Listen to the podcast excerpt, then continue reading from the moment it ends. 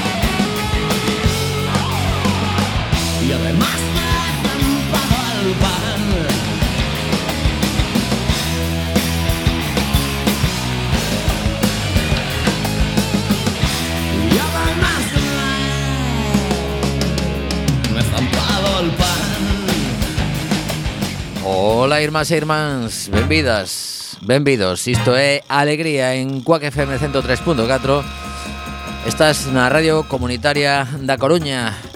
Hoxe ven sendo martes, unha vez máis, 6 da tarde. Eh, temos unha sentencia desas de caramba, carambita, carambirulí, porque hai dous expresidentes da Xunta de Andalucía que levan susto, sobre todo un que vai para o cárcere, e un montón de conselleiros e máis persoas que eh, comentaremos ao longo do programa. Da Xunta de, de Andalucía, da Junta de Andalucía e do Partido Socialista. Evidentemente, claro. Non, non, pero quero dicir presidentes do Partido Socialista, que non hai tantos. Sí, tamén, tamén. Eh. Veo la lume. Moi boas. Hola, moi boa tarde. Pois pues Bea está catando por primeira vez a lotería sí. que vai tocar. Este ano, sí, É unha promesa que facemos como os políticos que se si logo non cumplimos non pasa nada, pero que saibades que a lotería ve a cantos números, a ver. 43.200, 40, 32.600, 71. Soan ben. O que ven sendo o primeiro e o segundo premio da lotería de Nadal que ten coa que FM en exclusiva, bueno, exclusiva non. Hai máis xente que o ten, pero nos temos as participacións molonas porque levan o pico de pato, o dial da emisora e ti podes eh, solicitar a túa participación escribindo un correo a promoción arroba cuacfm.org eh, vas reservando. Son participacións que custan nada máis que 2 euros e xogas 80 céntimos a cada un dos números que acaba de comentar Bea e 40 centimiños veñen como donativo para CUAC, que xa sabes que é unha asociación sen ánimo de lucro. Eh, no programa de hoxe non hai convidados, pero a verdade é que temos eh, nin, candu, nin convidadas, pero a verdade é que temos un montón de desfeitas polo mundo adiante das que pois de cando en vez hai que facer un repaso porque está sendo xa unha avalancha absolutamente preocupante. Eu non sei se a Asamblea Xeral da ONU fixo algún tipo de xuntanza urxente, pero non sei se estamos de acordo en que debería, porque o que está a acontecer simplemente con falar de Bolivia se aparece unha barbarie bastante potente. Ben de lonxe eh, este asunto. Eh, hai moitas, o sea, a ver, hai un rebrote conservador eh, en todo en todo o mundo en xeral, en Latinoamérica en, en particular. Eh, eh, bueno, eh, en Bolivia está tomando unha Pero moi can, mala cara. Cando falas de rebrote conservador, porque unha cousa é conservador, mm, digamos, legal, e outra cousa é arrasar con todo. Bueno, hai un, a ver, un pequeno tamén, matiz. Tamén ¿no? hai que ver a, a legalidade en Bolivia. Precisamente este este sábado uh, ainda estivemos uh, Roberto Catoira, o noso compañero de antes e de despois. Uh -huh.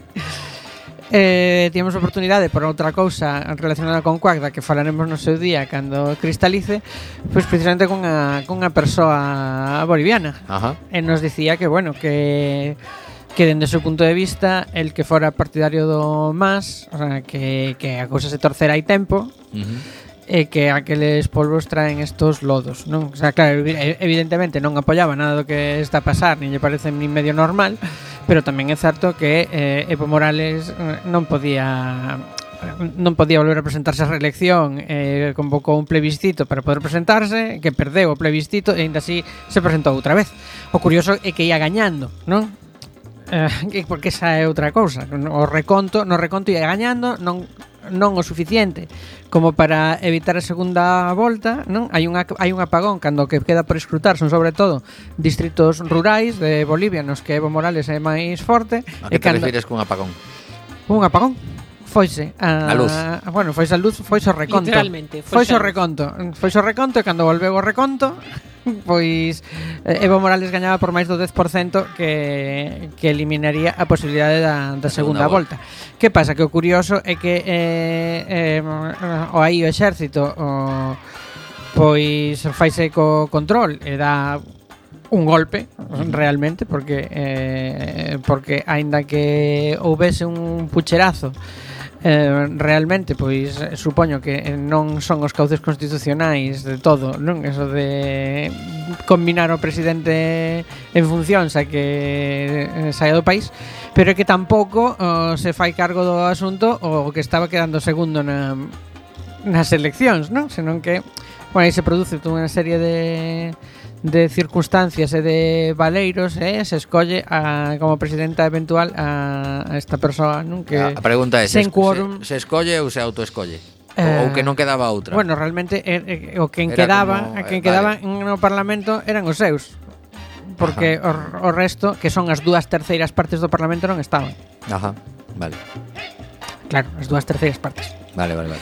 Claro, eh, e logo que cada vez que abra boca esta señora subo pan, porque decía, es que esto era una tiraniña, porque el Parlamento, que eran dos tercios, non nos dejaba hacer nada. Home, claro, pero que ese o Parlamento electo non é non é teu, pois é porque a xente non te votou. Sí, dixo, dixo algo así como que que que, que o, o o socialismo impoñíase a, a cidadanía eh, facendo cousas pois como o laicismo na Constitución, que xa sabedes que esta muller quere traer de volta a Biblia, a, a, ao Estado e tal, e dicía que se impoñían porque tiñan a maioría no Parlamento. Onde se habrá visto. Sabes? Onde se terá visto, efectivamente. Eh, a ver, eh, tamén hai que ter en conta, tamén hai que ter en conta a ah, un fenómeno que tamén se deu en, en Brasil, que é o papel que xogan determinadas uh, determinadas confesións religiosas en todo este asunto. Por eso aparece tanta Biblia e tanta historia. As comunidades evangélicas hai unha, unha tampouco hai que generalizar. Digamos que hai unha liña de comunidades evangélicas que, que están moi vencelladas a, a extrema dereita en Latinoamérica. Uh -huh. Bueno, pois eh, con, con este panorama por Bolivia eh, Imos comezar cunha canción. Hoxe recuperei a, a Mabel Flores eh, Unha catalana que está, pois... Eh, triunfando bastante por ali, por a, polo Mediterráneo, porque fai bastantes expedicións a, as Illas eh, Baleares, e que tiña unha canción titulada La batalla invisible, que escoitábamos na pasada tempada de Alegría, porque sabedes que o vindeiro luns, que 25 de novembro é o Día Internacional contra a Violencia de Xénero, hai moitísimos actos xa os vindeiros días. Eh, a batalla invisible continúa sen dúbida, hoxe mesmo pois eh, unha das das novas do día era a, o novo suizo que están tendo os membros de da manada por outra agresión previa que, que no seu momento quedara un pouco agochada pero que agora estáse a xulgar. Así que moito traballo por diante moitísimos asesinatos que levamos xa este ano. Escoitamos a Mabel Flores con La batalla invisible.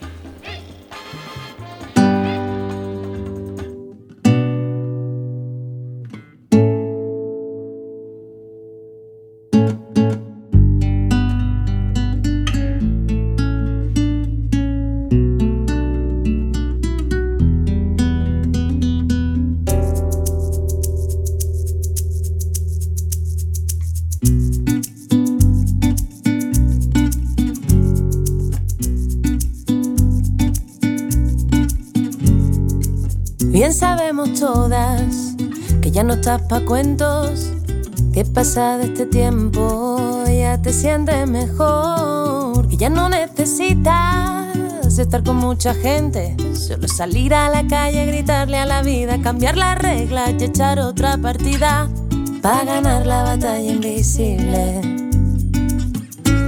Pa' ganar la batalla invisible. Hay que respirar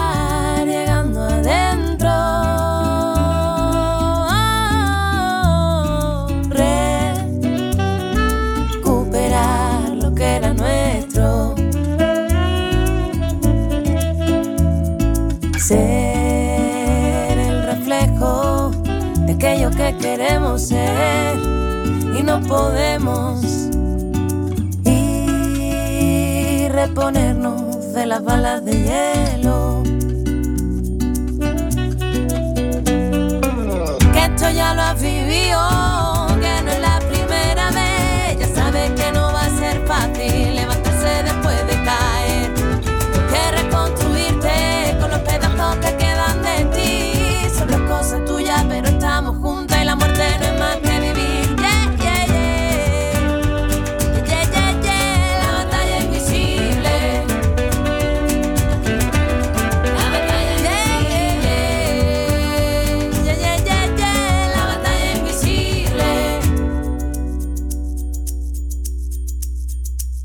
Abramos ese vino y de no hay nada que celebrar. No te marches ahora, primita, que ya llegan las demás. A la que la red hermanas que tienen como arma la sororidad. Tratar sin invasiones de curar tus heridas, vestirte la piel y arrancar las mentiras. Para ganar la batalla invisible. Para ganar la batalla invisible. Hay que respirar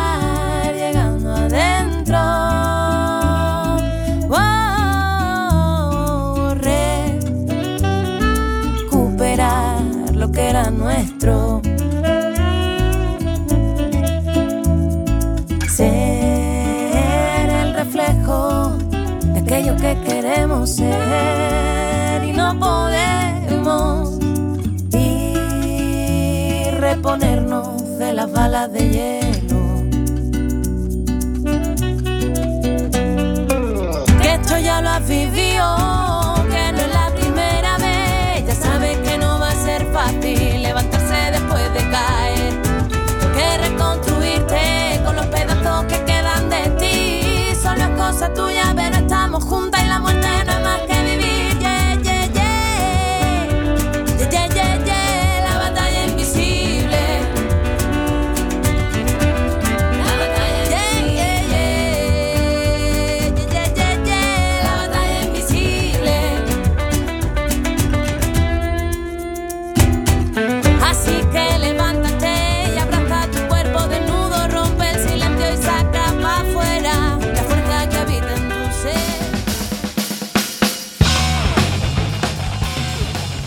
Voltaremos máis tarde ao que está a acontecer eh, no resto do mundo, pero agora teño tres cousiñas que nos toca máis de preto e quería comentar. A primeira delas é, pois, eh, teño un compañeiro de instituto que ten tres fillos e un deles está pois cunha doenza que precisa eh, de doazón de, de médula, de médula ósea estáse pois movendo moitísimo en redes sociais este caso porque ademais xoga nun, nun equipo bastante coñecido na cidade que é o Imperator e como comenta el a doazón de médula non é mm, dirixida a ninguén simplemente ti doas médula despois a, a mediciña encárgase de atopar persoas que sexan compatibles con esas doazóns e o que sí que é importante saber é que poden doar médula persoas entre os 18 e os 40 anos e que hai pois eh, unha, unha ligazón de, dos Sergas no que, no que se pode eh, saber máis ao respecto. Eh, lembrarvos unha cousiña isto non ten nada que ver coa espina dorsal. Quero dicir, hai moita xente que pensa que a doazón de médula pinchante na espalda, como eu non sei, cando se poñen, por exemplo, a epidural ou unha cousa así, entón hai moito mito de, bueno, claro, entón pode ser peligroso e tal. No, é que non ten absolutamente nada que ver con iso. Eh, o proceso consiste en que che dan primeiro pois unha, unha menciña, non, me, non lembro exactamente son, se son unhas inxeccións, son unhas pastillas tecnoloxías que mm, axudan pois eh, non, non lembro exactamente a que, pero é, eh, digamos, para que saia sangue, pois algo que ten que sair eh, mm, para, para poder facer a doazón. E logo, o único que fan é quitarche sangue. De feito, quitancha por un lado, eh, de, queda dentro dunha máquina a parte das, do sangue que queren que quede, e o que sobra volven metercho pa dentro, ou seja que nin sequera perdes demasiado volume. Uh -huh. Así que en realidade o final pois si sí, o que leva son uns pinchazos, pero digamos en sitios non perigosos, así que non. Pois si, sí, o que comentaba este home que hai moita xente no mundo eh, agardando por por doazóns, eh, moitas veces pois ti ao mellor tes un caso próximo e decides facer esa, esa doazón e acabas eh, facilitando pois que un rapaz que está en, eu que sei, en Nantes, pois un rapaz ou unha persoa adulta pois teña teña esa doazón. Non sei ata que punto están interconectadas pero bueno eh, é un detalle que, que quería eh, comentar no programa. Outra cousa que me chamou a atención lendo praza.gal eh, que é un dos nosos eh, xornais de referencia, aparece unha nova desas que mm, semella non ter importancia, pero carallo se atén para as 50 persoas, bueno, 50 familias que están vivindo en Cambre neste edificio. Contovos. As vivendas sociais de Cambre, tras a venda do edificio, subas do 50% nos alugueiros e non renovación de contratos. De que vai esta historia? Pois eh, Marcos Pérez Pena, que é o que asina a, a información, inclúe dentro de movimentos sociais eh, o que nos conta aquí. Resulta que en 1997 eh, o edificio da Patiña en Cambre foi construído por Fadesa, Un acordo coa Xunta de Galicia garantiu que as casas de protección oficial serían alugadas por un período de 20 anos, atención ao dato que é importante, 1997, 20 anos remataban en 2017, a un prezo reducido. Durante a crise económica, Fadesa vendeulle o edificio ao Banco de Santander, que ten a súa vez unha inmobiliaria propia coa que xoga cos cartos. Dende eh, o ano 2016 e 2017, os 50 veciños e veciñas do inmoble comezaron a denunciar que Altamira, que é a inmobiliaria do Banco de Santander, comezara a atender totalmente o mantemento do edificio e decidira non renovar os contratos de alugueiro que ian rematando por prazo. Remataba o período no que as vivendas deberían seguir sendo de carácter social e medraban os rumores sobre unha venda da urbanización a un fondo boitre. O pasado ano, a movilización dos veciños e veciñas que contou cunha importante apoio en toda a localidade conseguiu co goberno galego comprometésese a mediar na situación especialmente grave para algunhas persoas con escasos recursos ou en paro. O delegado provincial da Xunta, eh, Ovidio Rodeiro, e o director xeral do Instituto Galego de Vivendas Solo, Heriberto García, informaron de que a inmobiliaria estaba no seu dereito de vender as vivendas, pero que garantizara que os contratos se prorrogarían durante tres anos máis. Ademais, a empresa prometeu que non se levaría a cabo ningún lanzamento de inquilinos que se atopasen en situación de vulnerabilidade, aínda que houvese impagamento do alugueiro. Así mesmo, no mesmo da no marco, perdón, da campaña electoral das eleccións municipais, estamos a falar de maio, todos os partidos a nivel local expresaron o seu apoio e o concello comprometeuse a contar con 112 novas vivendas de protección oficial. Porén, en marzo chegou a nova de que o edificio fora vendido a unha nova Sociedade de Capital Risco, unha das coñecidos como Fondos Buitre, que se, que se chama Haya Real Estate SAU, Sociedade Anónima Unipersonal. Xa nos meses anteriores continuaran os incumprimentos da empresa propietaria en materia de mantementos. Veciños e veciñas denunciaban que había electrodomésticos como neveiras ou caldeiras que levaban meses en funcionar e escaleiras de zonas comuns que carecían de iluminación dende facía tempo. Ademais, soliñaban que non se cumprira a promesa de renovar os contratos durante tres anos e que só fora renovada unha das familias. O temor provocado pola venda a Allar Real Estate, unha comercializadora especializada na venda de inmobles propiedade de bancos, certificouse nas últimas semanas. Agora xa estamos na actualidade. Cando un gran número de veciños e veciñas comezaron a recibir notificacións nas que se lle informaba de que o prezo dos seus alugueiros ia ser elevado. Na algúns casos a suba chega ao 50% pasando os pisos dunha súa habitación de 200 a 300 euros de maneira automática. Bueno, xa non, xa non sigo lendo, pero eh, busquei o dato de canto gañou o Banco de Santander o ano pasado. 7.810 millóns de euros. Claro, cando un banco eh, que gaña 7.810 millóns de euros ten eh, unha especie de compromiso cun organismo público, como é neste caso a Xunta de Galicia, que polo visto mediou a prol das familias e aos poucos meses se salta ese compromiso e yo vende a un fondo buitre, ao mellor os compromisos habería que... Se queres tiramos un poquinho máis do fío. Tira, tira. Porque Haya Real Estate é unha empresa que pertence a Cerberus, que é un coñecido fondo buitre, non? O sea, é, é como unha, unha sí, das ramas de, de gañar cartos. Sí, de Cerberus, vale, sí. Vale. Eh, eh, adiviña quen traballa en en Cerberus. O fillísimo. O fillísimo. De José María Aznar. E Ana Botella. Sí, señor. Mira que ben. É, eh, é xente con escrúpulos, con xente con cariño pola xente. Sí. Bueno, pola, que, súa, pola o, súa xente. O Faltaba que, ese o que sí que é un modus detalle. operandi. Un eh, clásico, eh, non? Clásico, sí. O sea, o Banco de Santander di, mira, vas, vas facer ti de, pali, de poli malo. O, o Banco de Santander. No, porque neste caso o que lle deixa é o poli malo a esta real son, estate. Son especialistas, o sea, son especialistas estes fondos buitre en, en, en mercar eh, inmobles de, de bancos porque os bancos se queren desfacer dos inmobles o, ne, mm. o negocio dos, dos bancos non, non é o inmobiliario non? é outro, é o do crédito claro Aquí é onde decimos o importante que é que haxa unha regulación importante dende o Estado que irradie eh, cara ás comunidades autónomas con respecto aos prezos de aluguer. Pero quero dicir, allá real estate, eh, igual que outros fondos buitre, o que o que está especializado en mercar eses inmobles a, a, a bancos eh, e a Sareb, uh -huh. o Banco Malo. Lembremos que Ana Botella librou Pero bueno, a, hai que dicir Ante que, sí, que claro, puxeron. hai que dicir que isto son cousas super curiosas. A ver. Resulta que os bancos se meten no negocio hipotecario uh, moito máis aló do razoable. Quere eh, dicir que lle daban cartos á xente e incluso son, ao cento e pico por cento. Son imprudentes mm. no crédito. É o mecanismo dunha crise clásica, vale?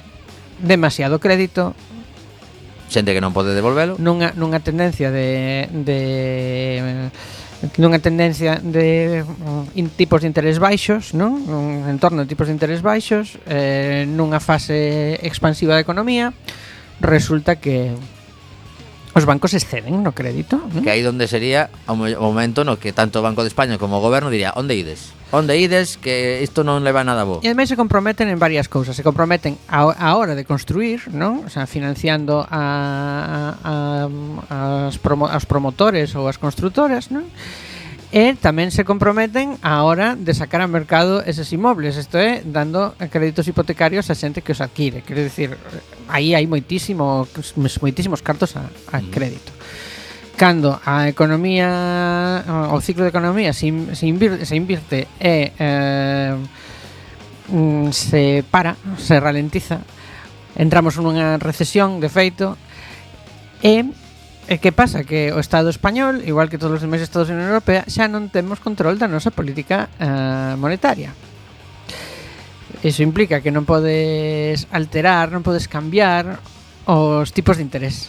Dependemos dos señores de Bruselas. Dependemos dos señores de Bruselas que miran polo ben común eh, do, de todo o espazo. Eh, francamente, os señores de Bruselas, os, particularmente os señores alemanes de Bruselas, non lles viña nada ben eh, alterar alterar os tipos de os tipos de interés, co cal tivemos a super recesión. Vale. Que, que pasa entón? Que os bancos entran en problemas. E que facemos eh, todos nos? Pois soltar 60.000 millóns de eurazos para uh, rescatalos. Tamén hai que decir que neste caso o Banco de Santander foi dos que non precisou. Dos que non precisou, non, non, non Foi dos poucos, eh. Claro, claro, pero neste caso, o, o sea, neste caso, o, aínda que aínda que eh, o Banco de Santander non fose rescatado, ao Banco de Santander o que lle pasa é o mesmo que todos os demais, é que se atopan con un montón de inmobles eh, que e nas súas mans. E agora que carallo fago con isto? Porque claro. ademais estamos a falar de que eh, a lei da oferta da demanda o que ven dicindo é que cando hai un montón de, de inmobles, pois debería baixar o prezo. Baixou o prezo. Debería.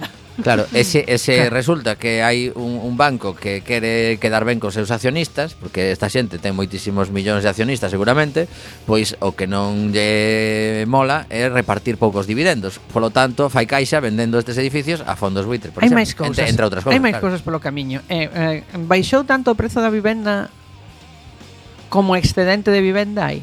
Negativo. Por qué? Porque se ti eh, valoras eses pisos deixas que caia o prezo da vivenda e valoras esos pisos por ese prezo uh... Bueno, hai que dicir que sí que houve bastantes ofertas e chollos eh? claro, Para a claro. xente que tiña cartos claro. Que así se ferraron algúns Baixou, claro. pero non, non baixou do xeito que se correspondería con, con claro. hai, a, a, a excesivísima demanda que tem, a, a excesivísima oferta que temos Ademais que hai demanda, quero Posi dicir Claro, posiblemente a xente que, que tivese polo motivo que fose un millón de euros sí. O mellor mercou oito ou nove vivendas en Coruña por exemplo, neste, neste período. Por exemplo. Eh, que pasa? Que aí onde aparecen ese contexto aparecen os fondos buitre. Que é maravilloso para toda esta solución, porque como ti non queres eh, non queres que eh, caia o prezo da vivenda, porque eso tense que traducir a balances. Eh, por tanto, a túa entidade de crédito propietaria de moitísimos pisos tería graves problemas porque porque claro, eses pisos xa non valerían tantos cartos, pois cando chegan Blackstone ou Cerberus ou toda esta xente pagando unha pasta por por eses inmobles, o sea, e ademais quitándolles de enriba todos os gastos de xestión de todos eses inmobles, pois os bancos din, "Oh, aleluya, mereceme. Se non me chama a señora da Neveira. Me han quitado, estropeada. claro, quitáronme o o un problemón. O problemón este de enriba. Que pasa? que os fondos buitre non se chaman fondos buitre por por por, xa, por casualidade, eh? fondos fondos pomba non son. Non, non son non son fondos canario ni, ni fondos delfín, non son fondos buitre por fondos algo. Fondos buitre con aznar de por medio, pff, demasiados paxaros que non Claro, se además ten con extra de aznar, o sea, pois pues sí. impresionante, pero que eh, ao final o que acontece é que eh, os grandes propietarios de vivenda no Estado español pasaron de ser pois particulares a ser fondos buitre. E aínda é peor no o, no mercado o, dos inmobles que non son vivendas, no, dos, dos inmobles comerciais e industriais. Uh -huh.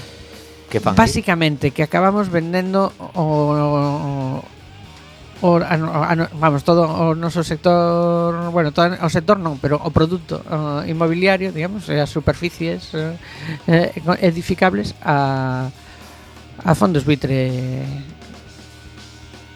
polo xeral de matriz estranxeira, ademais. Bueno, non sei que vai pasar tamén co, co Dolce Vita, ese que queren facer outra mole aí, pero bueno, saberemoslo en videiros episodios de Alegría. Por agora, deixademe despedir este bloque de información máis eh, próxima Lembrando que hoxe fai exactamente 17 anos que o Prestís a 234 km da costa galega partiu en dous eh, empezou a soltar, xa levaba tempo soltando cousas, pero auxilillos, sí, auxilillos foron unha festa de tal. Brillante xestión. Pero pero bueno, pois eh, pues, 17 anos eh, tocamos madeira para que non volva a suceder. Xa, xa estamos fora de contas, eh?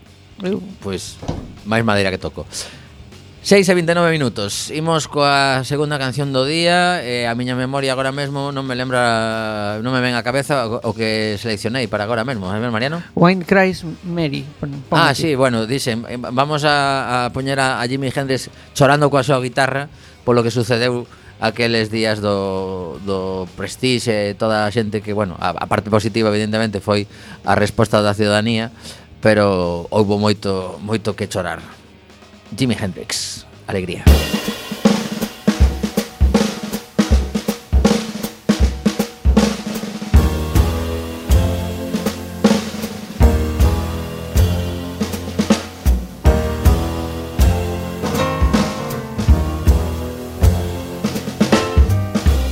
After all, the jacks are in the boxes.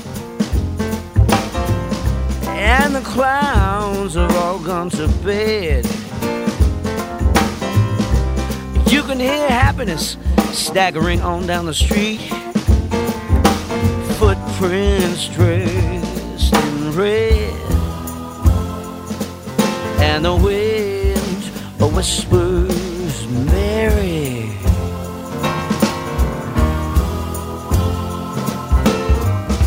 A broom is drearily sweeping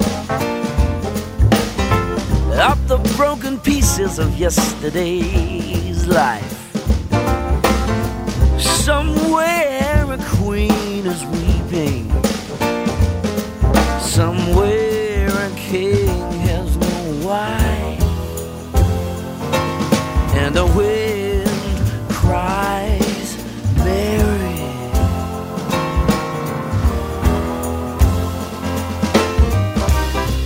Traffic lights turn blue tomorrow. Shine the emptiness down on my bed. The tiny island, it sags down the street. Cause the life that they is dead. And the wind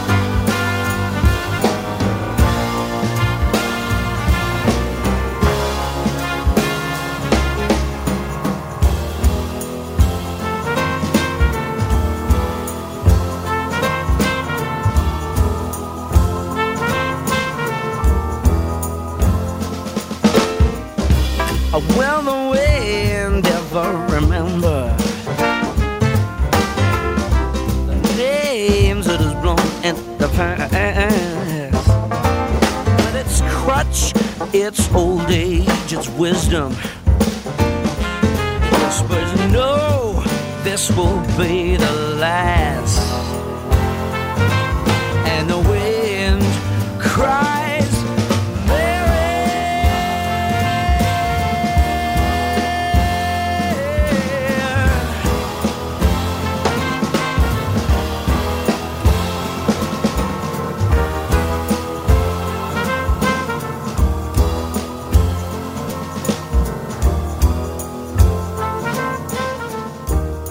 Efectivamente, non é Jimi Hendrix. Jamie Cullum fai esta versión eh, moi disfrutable do clásico de, de Jimmy. E agora sí, a Econova.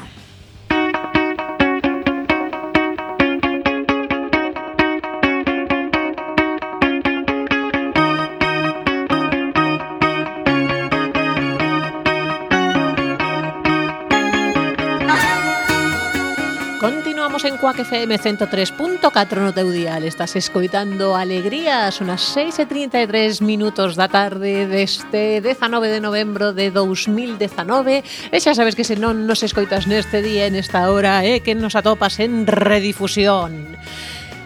Continuamos coa Econova e empezamos cunha nove que a verdade non me fai moita gracia ter que dar, pero aquí non todo van ser boas novas, diti que como falamos tanto do cambio climático, sí, oxe, a verdade é que boas, boas novas tampouco que deamos tantas. Oxe, oxe moitas boas novas non, non tampouco eu...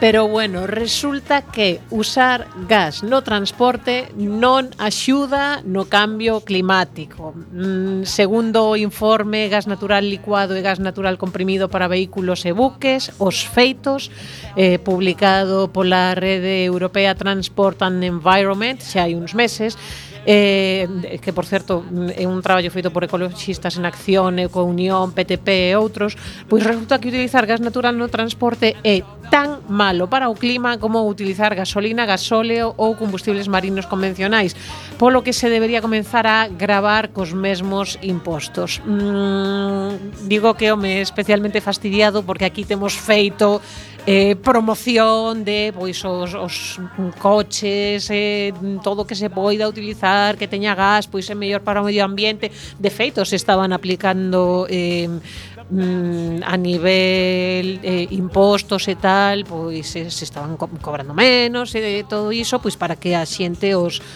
os mercara, pero resulta que os estudios que inicialmente parecía que eran tan benignos cara a este tipo de de combustibles agora din que cando se contabilizan os as fugas de metano na cadea de suministro que xa sabedes que é un gas eh, cun potencial de calentamento climático mm, 86 veces superior ao CO2 resulta que as supostas vantaxes climáticas do gas natural non son tales porque as investigacións recentes amosan que hai fugas de 60% ou maiores co que acaba equilibrando medíase o, o que se medía de parte benigna. Mm, non sei exactamente que é o que pensan facer o respecto, porque quero dicir, xa se estaban vendendo vehículos, como vos digo, pois con, se, se aplicaba menos impostos tanto a, ao gas natural como a venda dos coches e agora non sei moi ben que van facer, se o van a deixar así un pouco como a que, bueno,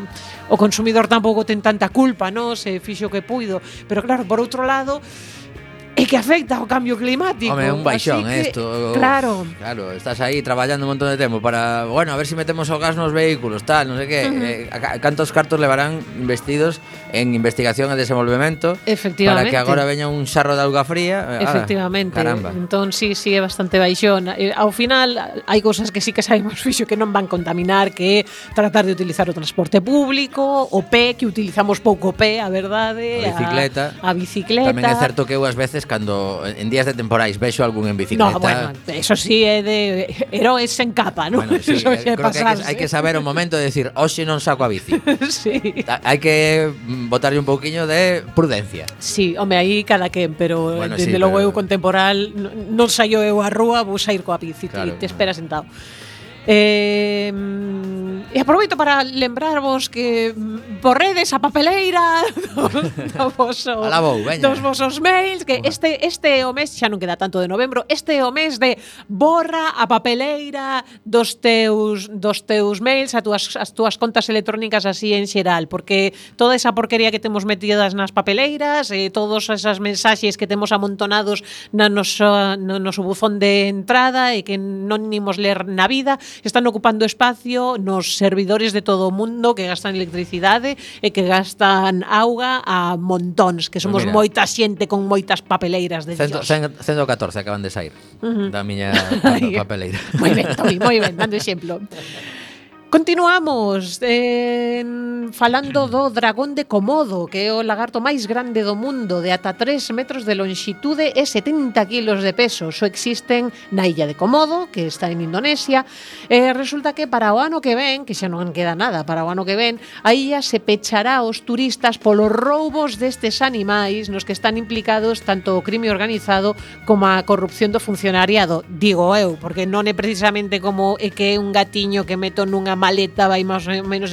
É que son bichos de 3 metros de longitude e 70 kilos de peso, quero dicir. O podes vestir coa túa propia roupa e sentalo no, no, no asento do avión a verse cola. Entón, sí, evidentemente ten que haber... Eh, cheira, cheira mal, eh? É, de mor, mal. É, é un mordisco desagradable teñen tamén. Sí, xa, xa mm. probaches.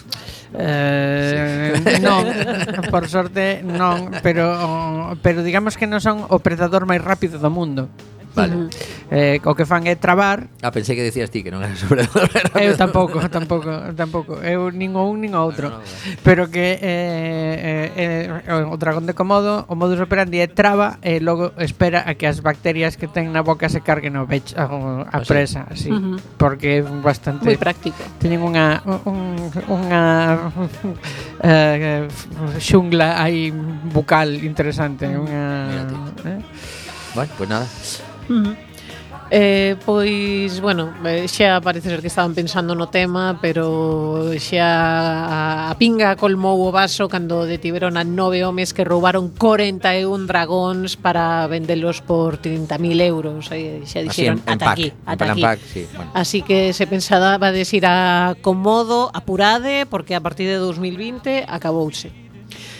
Eh, non sei como vou de tempo. Pois mira, se si queres eh, comentar algo máis, sen problema, porque hoxe, pois, como non temos convidadas, pois eh, podemos estirar un pouquiño, aínda que teño cousas por aquí, porque entre, entre o sere eh, o, o impeachment a Trump que teñen ali festa montada tamén en Estados Unidos agora mesmo. Bueno, isto mm.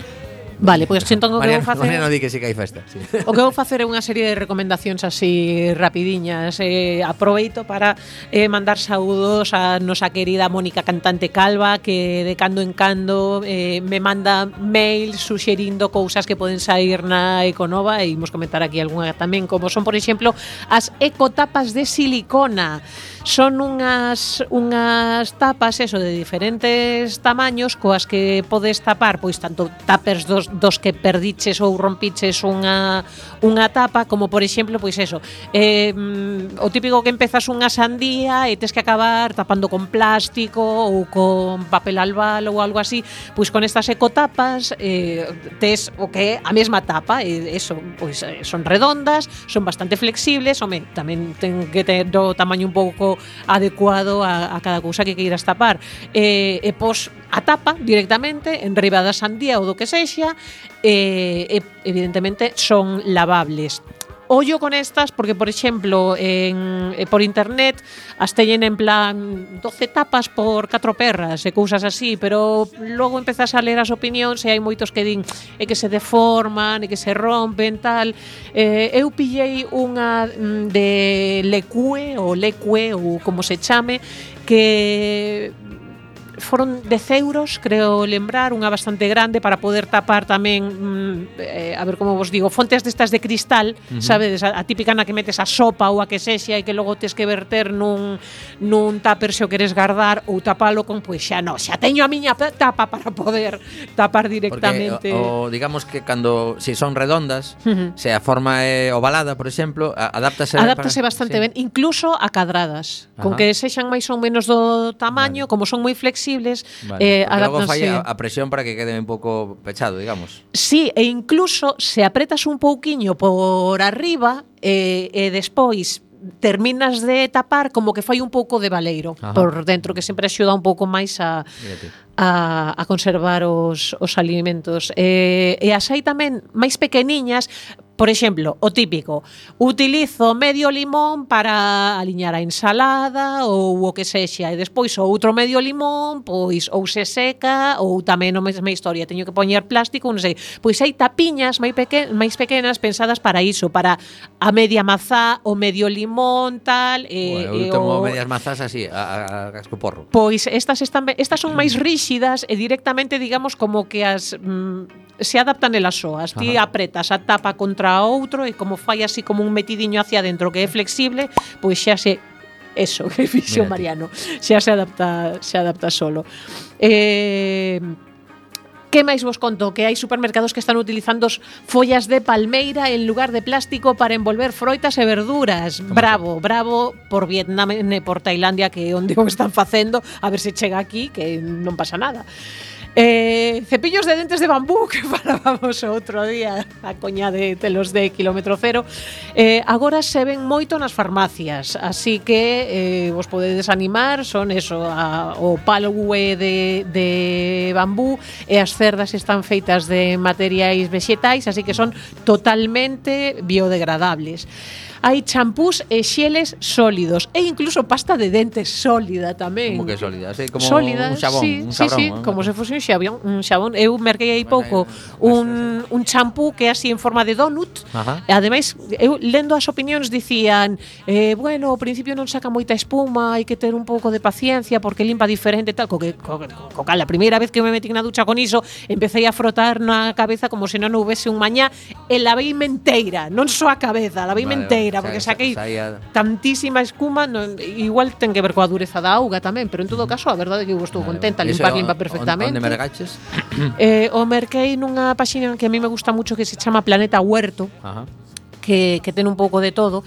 Eh, pero bueno, mm, tamén debe haber en, en tendas localmente, quero dicir, pois en tendas físicas de de produtos, ecolóxicos, ecolóxicos eh, mm. e cousas así. Eu como tiña que facer un pedido moi grande, xa aproveitei e, e collín de todo.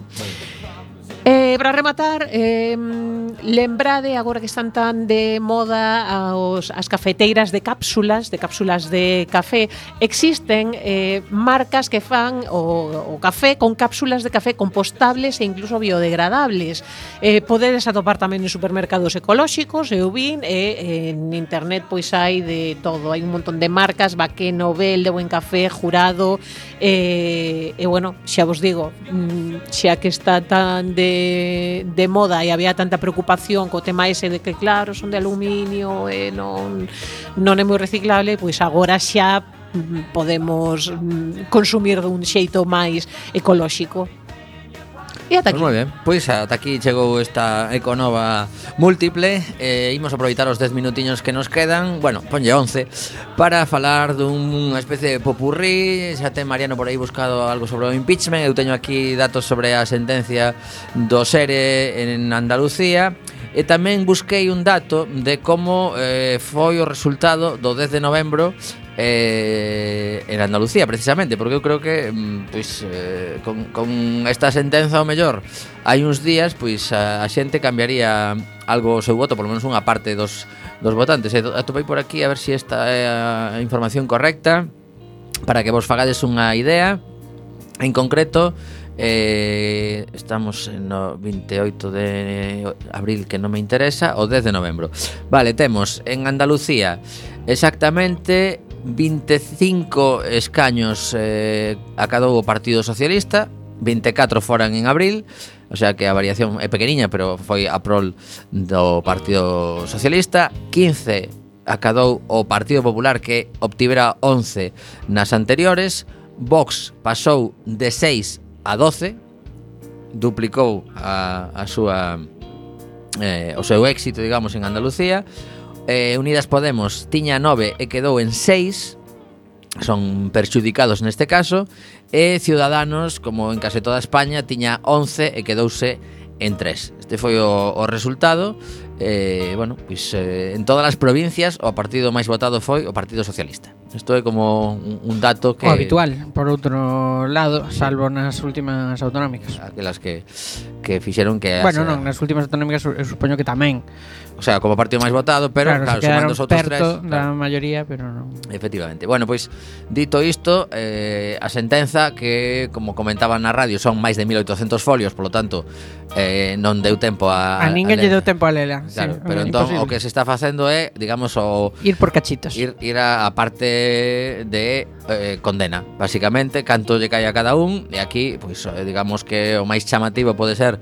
eh, en concreto os eh, seis anos de prisión para eh, Griñán, en concreto nove anos de inhabilitación especial por delitos de malversación e prevaricación para Manuel Chávez, que parece, segundo isto, que libra do, da prisión, importante sinalar que isto é unha sentenza que é eh, recurrible e que seguramente irán agora mesmo cara ao Supremo e que, pois, eh, dicían que aproximadamente no entorno dun ano podería sair a sentenza definitiva. Polo tanto, aínda non van entrar en prisión salvo unha decisión pois que, que chamaría bastante atención segundo o que comentaban na, Home, na, na salvo que se aprecie un risco de fuga ou Claro, o efectivamente.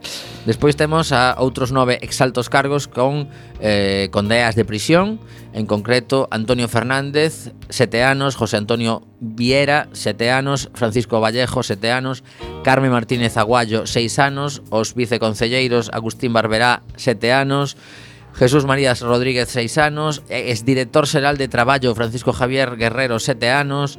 Bueno, a verdade é que esta xente dá para montar un equipo dentro do, do cárceres e lles toca todos xuntos. O exdirector xeral eh, Juan Márquez outros 7, eh, tamén a esencia idea que era a que recibía os cartos e despois repartía así con bastante discrecionalidade seis anos e o resto de condenas son de inhabilitación entre elas a exministra Magdalena Álvarez que moita xente pues, lembrará porque bueno, pues, tivo un papel bastante eh, representativo no goberno de Zapatero e eh, caeronlle tamén nove anos de inhabilitación. E sigue, sigue a lista porque foron bastantes os, as persoas condenadas aquí hai un, unha taboa que teño diante pero bueno Eh, as claves do fallo de aquí que eh, entre 24 de abril de 2004 e 23 de abril de 2009 o presidente da Xunta de Andalucía eh, era consciente do uso irregular das transferencias de financiación para pagar o SERE e sitúa os expresidentes no centro da toma de decisións que permitiron que se establecera un mecanismo a amarse da lei e dos controis para repartir de forma arbitraria os fondos desviados do orzamento andaluz. Unha das cousas que máis me chamaron a atención é que había mm, supostas subvencións das que non consta ningún tipo de solicitude. O sea, ti mm, chegaba un momento que alguén decidía facer unha transferencia a túa conta e non había ningún tipo de expediente non que se, eh, se ti solicitabas eses cartos, alguén valoraba esa solicitude e en función diso dicía, bueno, pois pues esta persoa lle corresponden 8.000 euros. Pois non, simplemente se repartían cartos así ás galla. Bueno, eh, corrupción a gran escala. A lo bestia. É así. Eh, durante anos, eh, aquí claro. o que librou, por certo, librou o interventor xeral de eh, Andalucía, porque en principio mm, el fixo varios informes Ainda que a acusación particular dicía que este home tamén tiña que recibir algún tipo de condea porque non fixo o suficiente para parar o tema. El cubriuse. El, claro, el dicía, "Uy, isto a mí me cheira fatal, eh. Aquí están pasando cosas. Era un pouco así, como un pouco gila. Alguien ha matado a alguien. Un pouco gila, sí. sí. Bueno. Pois pues, o tipo libre. Pues, bueno. A min non me parece demasiado correcto que, que se libre o interventor, por neste caso... Eu non sei, sen, sen saber... O sea, quero dicir que, que a, a intervención, si ve que se están mm, escapando moitos cartos, e que o controle mm, pequeno, pois a mellor tes que ir a un sulgado. Eu sen saber os pormenores, non me, non, non me lin as 1700, nin, nin penso. Que vago eres. As eh. 1700 páxinas da sentenza, imagínate os infinitos mm, sí, tomos sí. do sumario, non? No, no, por suposto. Quero dicir, Creo que eran bueno, 14.000 por aí. Pues. Bueno, pois eso. Unha festa. Eh, a cuestión é que eh, xa temos xa temos os dous principais partidos do estado que os que os, que os cacharon co carriño mm. do xeado. Pois si. Sí. Bueno, bueno todo ben. Sí, sí. Creo que as declaracións de José Luis Ábalos Circulen, hoxe, circulen, as, non? As declaracións de Ábalos de hoxe non non axudan a facer moitos amigos, pero claro, bueno, eu, eu non supoño, eu eh. supoño que agora, eu supoño que agora o Partido Socialista eh, se cortará un pouco a hora de chamar corruptos os do Partido Popular, non? Bueno, eh, polo, polo que eu escoitei, claro que era es radio, que descubrín que bueno, eu estaba... tamén escuitas que... No, no, de verdade que foi... Dinlle ao botón porque non se escoitaba... A, a miña furgoneta ten un problema que a antena non vai ben. Entón, doulle ata que para en algún sitio e despois de un rato descubrín que estaba en el radio. Eh, claro, non... Entón, dicían que Ábalos eh, o ministro que eu non lle teño ningún tipo de cariño, de verdade, este home é máis eu, pois non nos entenderíamos, Pero estou que, convencido. Que, que se te revolucionaba a furgoneta soa e non sabías por que era. Sí, pasou iso, sí, claro, efectivamente. O bueno, efecto, pues, efecto des radios, claro, as cousas, entón, nada, eh, que polo visto dixo que non era un caso do Partido Socialista. Ah, no. Que era un, un caso do goberno, do, do goberno andaluz. andaluz. Xa. Bueno, el, el por outro lado tampouco ten que que que vai dicir. Claro, hai pues que pois estar calado, mellor. Botar balóns fora. Eh, a ver, isto fai dano, claro. Eh, non axuda a un novo goberno. Bueno, ao Partido ao Partido Popular eh, a sentencia da da Gürtel fixolle tanto dano que acabou fora do goberno. Eh, claro, o que decían en radio é que se si isto saíse unha semana antes das eleccións, con que perdesen 10 deputados en Andalucía xa cambiaba todo. Dicían, sí, dicían sí, sí, ah, claro, é e quen é é é por que presume es radio que eso iba a ter o Partido Popular ou Claro, e tamén por, es, claro, claro, tamén podemos decir e, can, e cantos votos foron a Vox por culpa da exhumación de Franco. Eh, claro. Podía, o sea, podía ser decir? outra reflexión así en voz alta. Bueno, total, que nos quedan dos minutos, del, non sei sé si se queres facer así un, un, un Trump, un Trump, a ver no, que está pasando. No, un Trump non, porque o do impeachment hai que deixalo correr, pero só dicir que están en marcha as primarias demócratas, eh, que é unha festa. Pensei que ias decir a, as eleccións a UDC. Que, que é unha festa o das primarias demócratas. Hai como 25.354 sí. candidatos. Caramba. Sí. E, e cando, cando se sabe? Eh, bueno, ainda non empezou. Ah, bueno, como están en marcha. Estamos en novembro, claro, no, empezan agora, vale. porque dentro dun ano son as presidenciais. Entón, ah, o entón sea, que están, teñen unha carreira dun ano Claro, agora empeza o caucus, ir... os caucus de Iowa e todas esas cousas tan colonas. unha pistola e empezan a correr todos. Si, sí, xa fan, o sea, os aspirantes xa fan dúas campañas aí seguidas porque porque a, a ver, haberá que ver se alguén se presenta contra Trump no Partido Republicano. Eu penso que non, pero nunca se sabe. Eh, pero, bueno, eh, a nova nas primarias demócratas é que se acaba de presentar, se acaba de postular Michael Bloomberg, De que me soa a mí? Eh? Pois pues son multimillonario este neoyorquino. Bueno, ah, eh, para... Sí, sí. De, de, millo, de multimillonario a multimillonario tiro porque me toca. Pois pues entón... Bueno, eh, eh este é un multimillonario que demócrata. Queres que apostemos a que vai gañar ese? Eh, bueno, ten difícil, eh, porque ten a, a Biden, Elizabeth Tamén Warren, difícil Trump, Mariano a Bernie Fernández. Sanders... Non, pero a ver, o sea, joder, hai diferencia. Bueno, hai, bueno. hai un aspirante eh, relativamente novo que... Que mola. Que se está molando aos americanos, Así.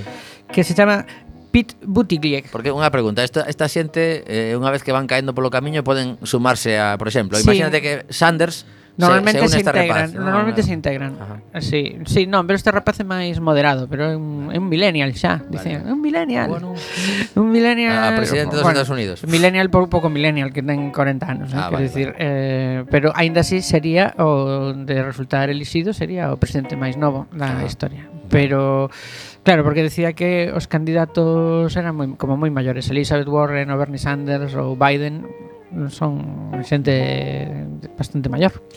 Bueno, pois isto se nos está acabando, quedan 50 segundos para rematar o programa. Hai que dicir que, por suposto, chegan a boa xente de Recendo para continuar en Quack FM e que se queres facer un programa de radio, como sempre, escribe a comunicación arroba porque agardamos novas propostas que temos aí a, algún programa piques de, de arrancar en xaneiro pero queremos máis isto non se detén voltamos a vindeira semana Bueno, eu teño que dicir que esa mañán teño unha operación complicada no dentista. O mellor non, non estou para falar, eh? Uh -huh.